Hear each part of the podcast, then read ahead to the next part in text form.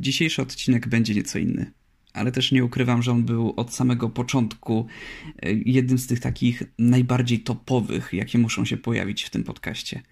I nie ukrywam, że będzie o tyle inny, że tym razem będę czytał, aniżeli mówił, opowiadał. Chociaż przyznam, że zdecydowałem się wybrać jedną taką swoją historię, których trochę też mam. Ale postanowiłem jednak opowiedzieć jedną, taką nieco może dłuższą. I najwyżej w przyszłości jeszcze jakby powstał kolejny odcinek mm, takich historii upiornych i niesamowitych, no to wówczas kolejne będą załączone. A tymczasem, w zależności od tego, gdzie jesteście, no to usiądźcie, weźcie się za pranie, za prasowanie, gotowanie i tak dalej i słuchajcie się. Będą to historie, które przysłali mi ludzie, które mi opowiedzieli w swoich mailach. I nie ukrywam, że niektóre z nich już były mi wcześniej znane. Wcześniej już były mi opowiedziane przy jakichś tam okolicznościach, jeżeli to są osoby, które mnie znały. Natomiast teraz jeszcze poprosiłem o to, aby to było spisane. No i też nie mogę ukryć tego, że pewne rzeczy musiałem pozmieniać, a przede wszystkim najwięcej pozmieniałem w tej swojej własnej historii, którą zdecydowałem się opowiedzieć Wam na samym końcu tego podcastu. No dobrze. No to w takim razie zapraszam. Miałam 14 lat. Siedziałam ze starszą siostrą w mieszkaniu na Kozłówku w Krakowie. Rodziców nie było, budowali wówczas dom pod Krakowem i spędzali tam noc. W tym czasie nasza ciocia leżała umierająca w szpitalu. Gdy gdzieś w środku nocy kończyłyśmy oglądać film w telewizji, nagle ktoś głośno zapukał w okno. Ważne jest to, że mieszkanie znajduje się na parterze. Siostra podeszła, by uchylić firankę i sprawdzić, kto puka do okna w środku nocy. Nasz blok jest długi, naprzeciw okien jest wolna przestrzeń, więc byłoby widać, gdyby ktoś robiąc sobie jaja, uciekałby w lewo, w prawo lub wprost. Ale nikogo nie było. Siostra wróciła na kanapę, ale minęły może dwie albo trzy minuty i znów ktoś zadudnił w okno. Żyłyśmy na tym osiedlu od dziecka. Znałyśmy dresów robiących na ulicy akcje po nocach. Nikt nigdy do tej pory nie robił nam takich cyrków. No to poleciałyśmy do okna obie. I znów nikogo nie było. W odstępie tych paru sekund nikt nie zdążyłby uciec w którąś stronę, a też nie było gdzie się schować. Wróciłyśmy na kanapę. Ledwo usiadłyśmy, z komody naprzeciw nas spadł na ziemię flakon z lawendą i rozbił się w drobny mak. Teraz wiedziałyśmy, że coś musiało się stać. Godzinę później zadzwonił tata. Dostał telefon ze szpitala, że ciocia zmarła. I jest coś bardzo ważnego. Ulubionym kwiatem cioci była lawenda. Był okres, gdy do późna pracowałem w galerii krakowskiej i zdarzało się, że nie udało mi się złapać ostatniego busa do domu na wieś.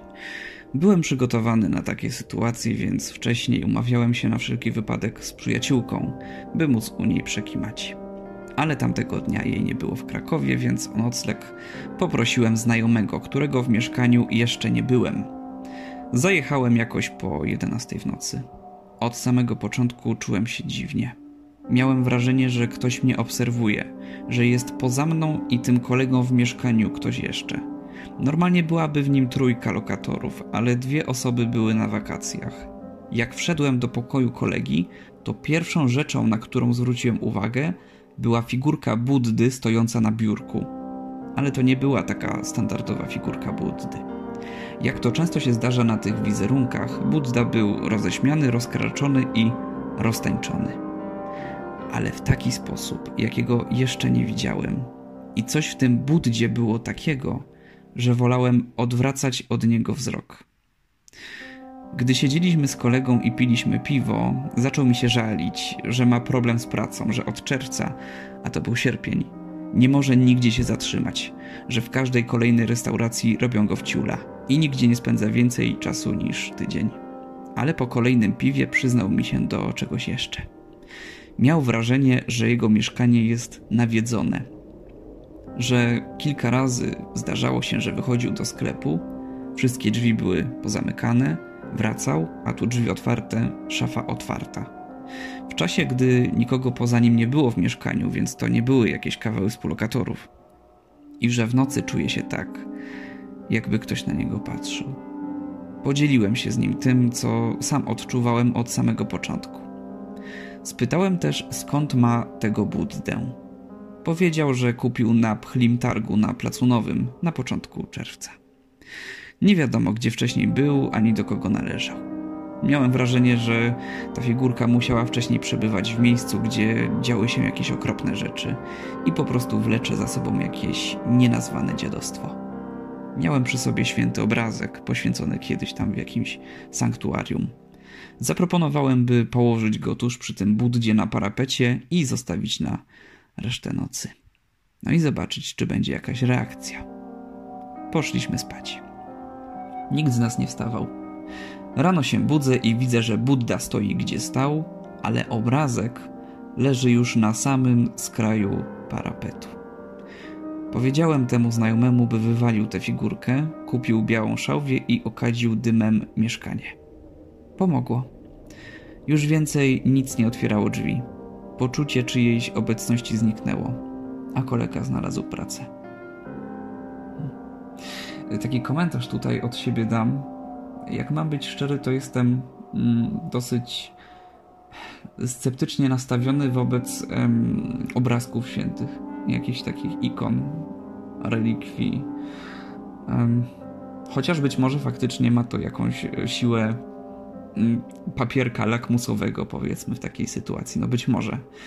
Natomiast jeżeli mam być szczery, to mm, to jest to taka sytuacja, w której sam bym powiedział, że nie wiem, czy używanie powiedzmy takiego obrazka będzie wymierne. No tutaj akurat było, więc no, najważniejsze, że powiedzmy zadziałało w każdym razie to, że zmieniły się te sytuacje, to znaczy E, raz, że pozbył się tej figurki, dwa, że zrobił powiedzmy porządek tą białą szałwią, bo nie wiem czy wiecie, ale jest taka, taka zasada w oczyszczaniu białą szałwią, że, znaczy zasada, no powiedzmy, że jedna z przyjętych zasad, że ym, podpala się tę białą szałwię i następnie tym dymem, samym dymem, okaza się mieszkanie, dom od podłogi do sufitu i są dwie szkoły, albo że w ruchu zgodnym z ruchem wskazówek zegara, albo że w kierunku przeciwnym. To znaczy kierunek ten sam, tylko zwrot inny. Eee, no i przede wszystkim w kątach, dlatego że w kątach się gromadzi najwięcej energii. No dobrze, w takim razie następna historia i teraz będzie, powiem Wam, zagranicznie. Zagranicznie dlatego, że to jest historia, którą wysłała mi moja serdeczna przyjaciółka, która spędziła, słuchajcie, ponad rok w Argentynie. Mm, ja tę historię już słyszałem, kiedy byłem z nią w klasie w liceum, bo do nas doszła, a tutaj mam ją w takiej wersji opisowej. Zapraszam. Moje liceum oferuje roczne wymiany zagraniczne. Udało mi się w ramach takiej wymiany spędzić rok w Argentynie. Miałam trzy host rodziny: mamę, tatę, braci lub siostry. To już zależy. W jednej z tych host rodzin była dwójka braci i siostra. Spałam z tą siostrą w pokoju, bracia spali w drugim. Jeden z nich chodził do szkoły, a drugi pracował i zwykle wracał w środku nocy. I którejś nocy obudził mnie straszny hałas z pokoju braci, jak gdyby ktoś przesuwał szafę po podłodze. No ale minęło może kilka minut i zasnęłam. Rano idę na śniadanie, a tamten brat, co pracuje zwykle do późna. Było to dziwne, bo na ogół odsypiał gdzieś do południa, a to była może ósma rano. Spytałam, co to były za hałasy w nocy, bo coś się strasznie tłukło. Ten zdziwiony pyta, czy słyszałam. Mówię, że tak, że było bardzo głośno. Gość się rozpłakał. Powiedział, że wrócił w nocy z roboty i położył się spać, ale obudził się, gdy zobaczył, jak jego brat siłuje się z kimś na łóżku. I to tak konkretnie, że to łóżko zaczęło się odsuwać od ściany. Tak tam się naparzali. Nie widać było, kim jest druga osoba, w końcu było ciemno i ten brat widział tylko sam czarny kontur, ale uznał, że to ich tata przyszedł odwalać jakiś szajs dla żartu. Wstał więc, by zaświecić i gdy to już zrobił, okazało się, że poza nim i tym bratem w pokoju nie było nikogo. Za to na ścianie, przy której stało łóżko, widać było ślady, jakby ktoś przejeżdżał po niej pazurami albo szponami. Widziałam te ślady, pokazali mi je. Nikt się nie włamał, wszystkie okna są zakratowane, bo Argentyna nie jest bezpiecznym krajem.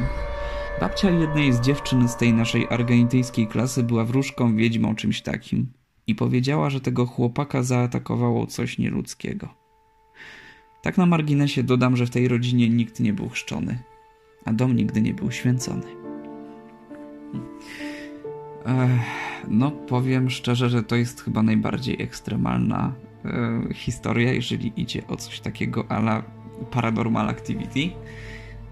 Nigdy w życiu nie miałem ani z czymś takim do czynienia, ani też poza tą jedną historią nie słyszałem, żeby coś spotkało w ten deseń e, kogoś z osób, które znam. No, powiem wam, że jest to dosyć ciekawa sprawa. Ciekawa. Mm, sam do tej pory nie wiem w sumie, co o tym myśleć. Mm, ciężko mi to wykluczyć z jednej strony, no bo to jest na pewno najłatwiejsze stwierdzić, że e, może jednemu się coś przewidziało, drugi może po prostu e, sam uszkodził tę ścianę i że obydwaj trochę padli ofiarą własnej samosugestii, ale z drugiej strony, no, no kto wie. Kolejna historia będzie znowu dotyczyła a, duchów, ale tym razem w nieco innym e, klimacie. To jest historia, żeby było ciekawiej, siostry tej, e, tej osoby, która napisała mi o Argentynie. Mój pradziadek zmarł w czasie II wojny światowej na południu Niemiec. Wierzył, że pracą w Reichu uda mu się jakoś ocalić rodzinę w Polsce. Coś się stało i został zastrzelony podczas pracy w polu. Prawdopodobnie nie ma swojego grobu. Mówię to, bo często jeździłam do pracy do Niemiec, albo do salonów jogi, albo do opieki nad starszymi. I tak się jakoś działo przez kilka tych lat, że ciągnęło mnie z tą pracą właśnie na południe Niemiec w rejony Stuttgartu. Babcia, córka tego pradziadka, mieszka niedaleko nas. Przyszła raz i powiedziała, że nie może spać, że nie mogła spać, bo słyszała, że jej ojciec siedzi w kuchni i miesza herbatę łyżeczką. Mówiła, że robił to w taki specyficzny sposób i nie widziała, by później ktoś jeszcze robił tak samo. No i słyszała to poprzedniej nocy. Jakiś czas później znów pojechałam do pracy w Niemczech, ale tym razem w Berlinie. Znów pracowałam w salonie jogi i poznałam tam Magdalenę, Polkę, która była medium. Była koleżanką mojej szefowej i gdy raz rozmawiałam z nią w wolnym czasie, powiedziała, że widzi koło mnie pradziadka. Że widzi jego twarz i ta twarz jest tak jakby związana ze mną. Że on nie wie, że umarł. Że umarł w Niemczech śmiercią nagłą. I że trwa w przekonaniu, że jego córka wciąż jest małą dziewczynką, choć w rzeczywistości ma już prawie 90 lat i że nie może pogodzić się ze swoją śmiercią i tym, że gdzieś tam w Polsce zostawił żonę i córkę. Spytałam, czemu uczepił się akurat mnie, skoro nigdy go nie poznałam. A tak mu się jakoś spodobałaś, powiedziała ta Magdalena. Przeprowadziła później rytuał odprowadzenia. Odesłała go w zaświaty i od tej pory babcia już nie słyszy stukającej łyżeczki. No to jest chyba jedna z moich ulubionych historii, które mam tutaj przygotowane na dzisiaj. Um, tak mi się wydaje, że jedna z ulubionych, bo o ile historie z, mm, ze stukaniem, z flakonami w ramach takiego omenu, że ktoś zmarł, są powiedzmy dosyć popularne, prawda? Tak mi się wydaje, że e, chyba każdy z nas w rodzinie ma mm, historię tego pokroju.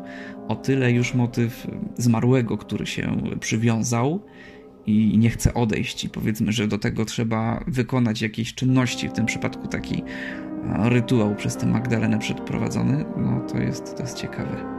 Mm, to jest, to jest bardzo ciekawe. Dobrze. Ostatnia historia, którą mam dla Was w formie tej zapisanej, a potem na koniec, tak jak obiecałem, ta moja własna.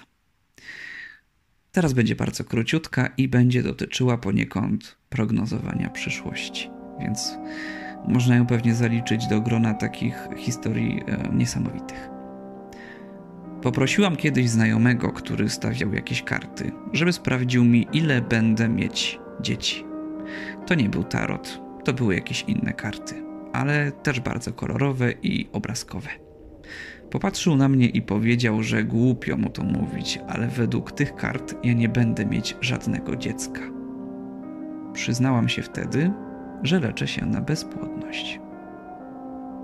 No to jest coś takiego, po czym mam taki mały dreszczyk po prostu na plecach, jak sobie pomyślę.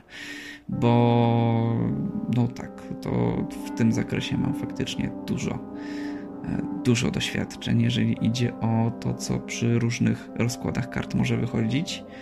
I to jest taki przykład tego, mm, jak karty mogą prognozować coś, bo to być może warto tutaj dodać w ramach takiego e, uzupełnienia dla osób, które nie wiedzą albo nie miały może za dużo styczności z jakimikolwiek kartami, które się rozkłada, że żadne karty nie pokazują przyszłości, pokazują tylko możliwość. To znaczy, że pokazały taki stan rzeczy na moment, kiedy ta dziewczyna, ta moja znajoma, miała akurat ten epizod swojego leczenia.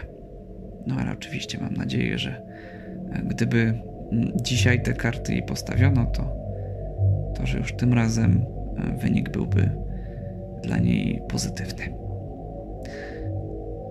No to poszło dosyć szybko i jak mam być szczery, to myślę, że jeszcze w razie czego będzie drugi epizod nakierowany na tę historię od Was, bo no jak mam być szczery, to kilka osób mi się trochę mm, spóźniło może z tymi narracjami, bo mi jeszcze obiecały, że podosyłają.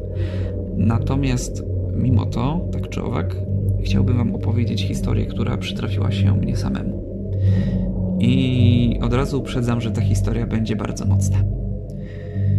Ta historia będzie bardzo mocna e, z kilku powodów. I od razu też muszę zaznaczyć, że na potrzeby e, możliwie dużej anonimizacji zmieniłem po pierwsze dane, miejscowość, to po drugie, a po trzecie zmieniłem rodzaj popełnionej popełnionej mm, no, popełnionego samobójstwa jakie przewija się w tej historii widzicie mm, tak się składa, że oprócz e, różnych rzeczy, które, e, które robię w wolnym czasie, no to powiedzmy, że jednym z takich zajęć jest co jakiś czas, bo to jest akurat dosyć doraźne ale jednym z tych zajęć bywa praca z wahadłem. To jest wahadło stożkowe, które pozwala udzielić informacji twierdzącej albo przeczącej, ewentualnie odpowiedź trzecia nie wiem. I to się opiera po prostu na tym, że mm, zadając pytanie, powiedzmy, że wypływające z Twojej intuicji, mm, tak naprawdę zadajesz pytanie samemu sobie. Dlatego, że wahadła, wahadła nie mają jakiejś takiej swojej e, odrębnej świadomości, swojej mocy sprawczej. E, mimo wszystko, nawet jeżeli nie ruszasz ręką, to ty i tak podświadomie w jakichś takich powiedzmy bardzo mikroruchach i tak nią ruszasz. I wtedy nadajesz temu wahadłu mm, powiedzmy, że określony kierunek, przepraszam, zwrot, albo w ruchu zgodnym z ruchem wskazówek zegara, albo w przeciwnym. U mnie to jest akurat tak, że odpowiedź twierdząca to jest e, przeciwny do wskazówek zegara, przecząca zgodny z ruchem wskazówek zegara. No i to jest na takiej powiedzmy zasadzie, że ma to, jak to dobrze powiedzieć, podsumowywać i weryfikować to, co się odczuwa na poziomie pewnej intuicji. No i miałem taką, znaczy miałem, mam cały czas e, taką koleżankę, która e, chciała bardzo to wypróbować, czy w ogóle powiedzmy, że sprawdzić tę moją intuicję. I nie byłem może w swoim życiu zbyt często na Podkarpaciu, ale to była jedna z tych wizyt w rejonach Krosna. A mianowicie, kiedy pojechałem tam do niej, tam spędzaliśmy powiedzmy razem e, bodajże dwa dni, no to w ramach tego chciała mi pokazać pewien dom, o którym powiedziała, że nie będzie jego domowników, to jest niedziela, mm, ci domownicy są w ogóle gdzieś tam na jakimś wyjeździe, więc spokojnie można wejść obok tego domu na posesję. No to poszliśmy. I zaprowadziła mnie pod taki kompostownik, który był na tyłach domu.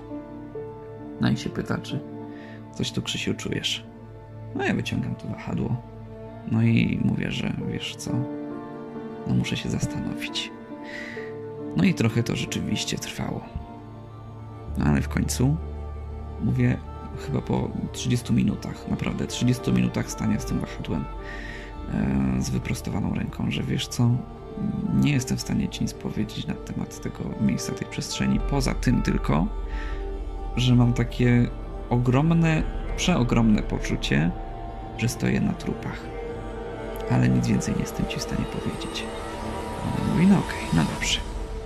A chcesz zobaczyć drugą stronę domu, czyli ten przód? Ja mówię, no pewnie, dawaj.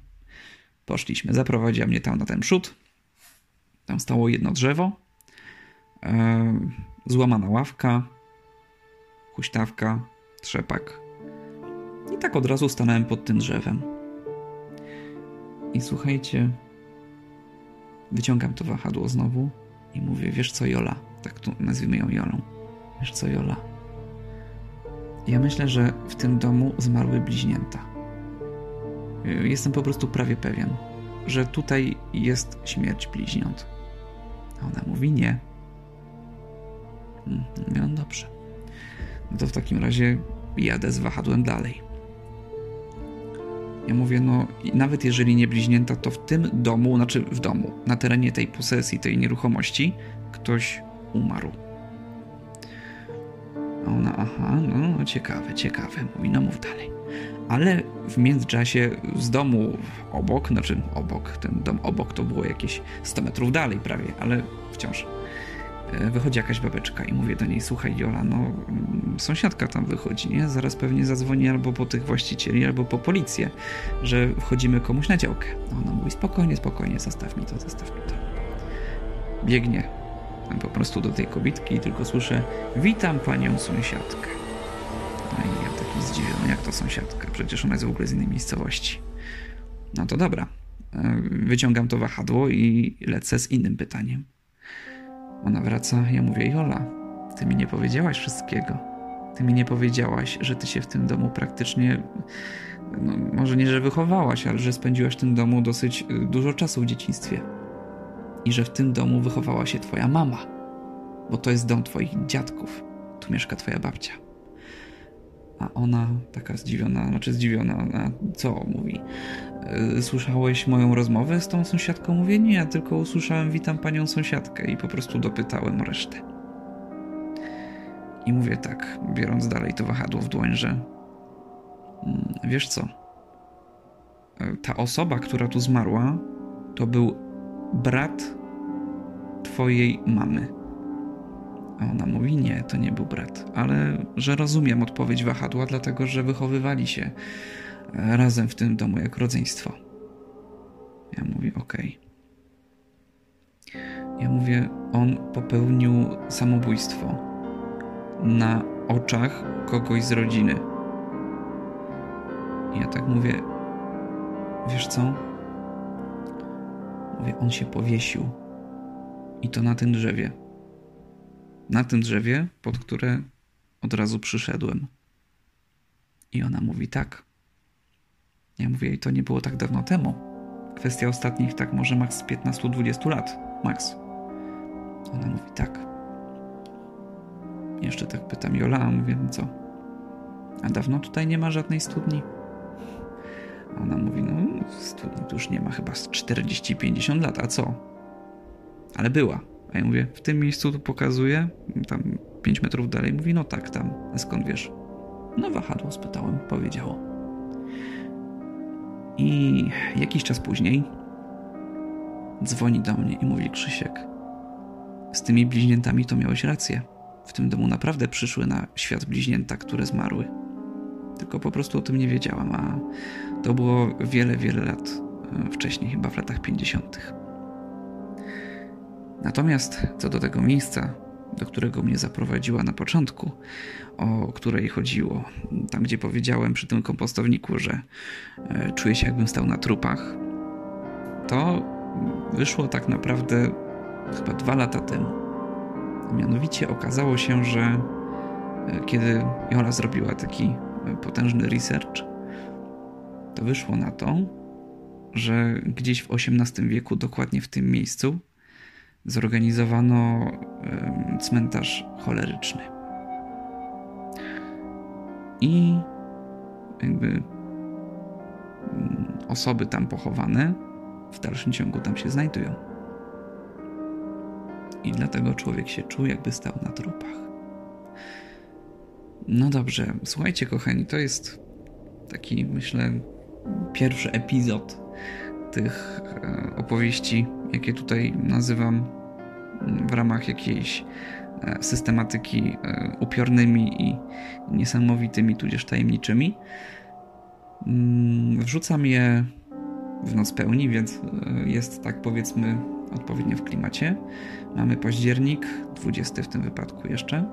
Jest to tak zwany księżyc myśliwych. Zresztą, jeżeli ktoś ma almanach w głowie, to to być może ma tego świadomość i wiedzę. A tymczasem żegnam się już z Wami i życzę Wam oczywiście e, dobrej nocy. I oczywiście zachęcam do przesyłania kolejnych historii.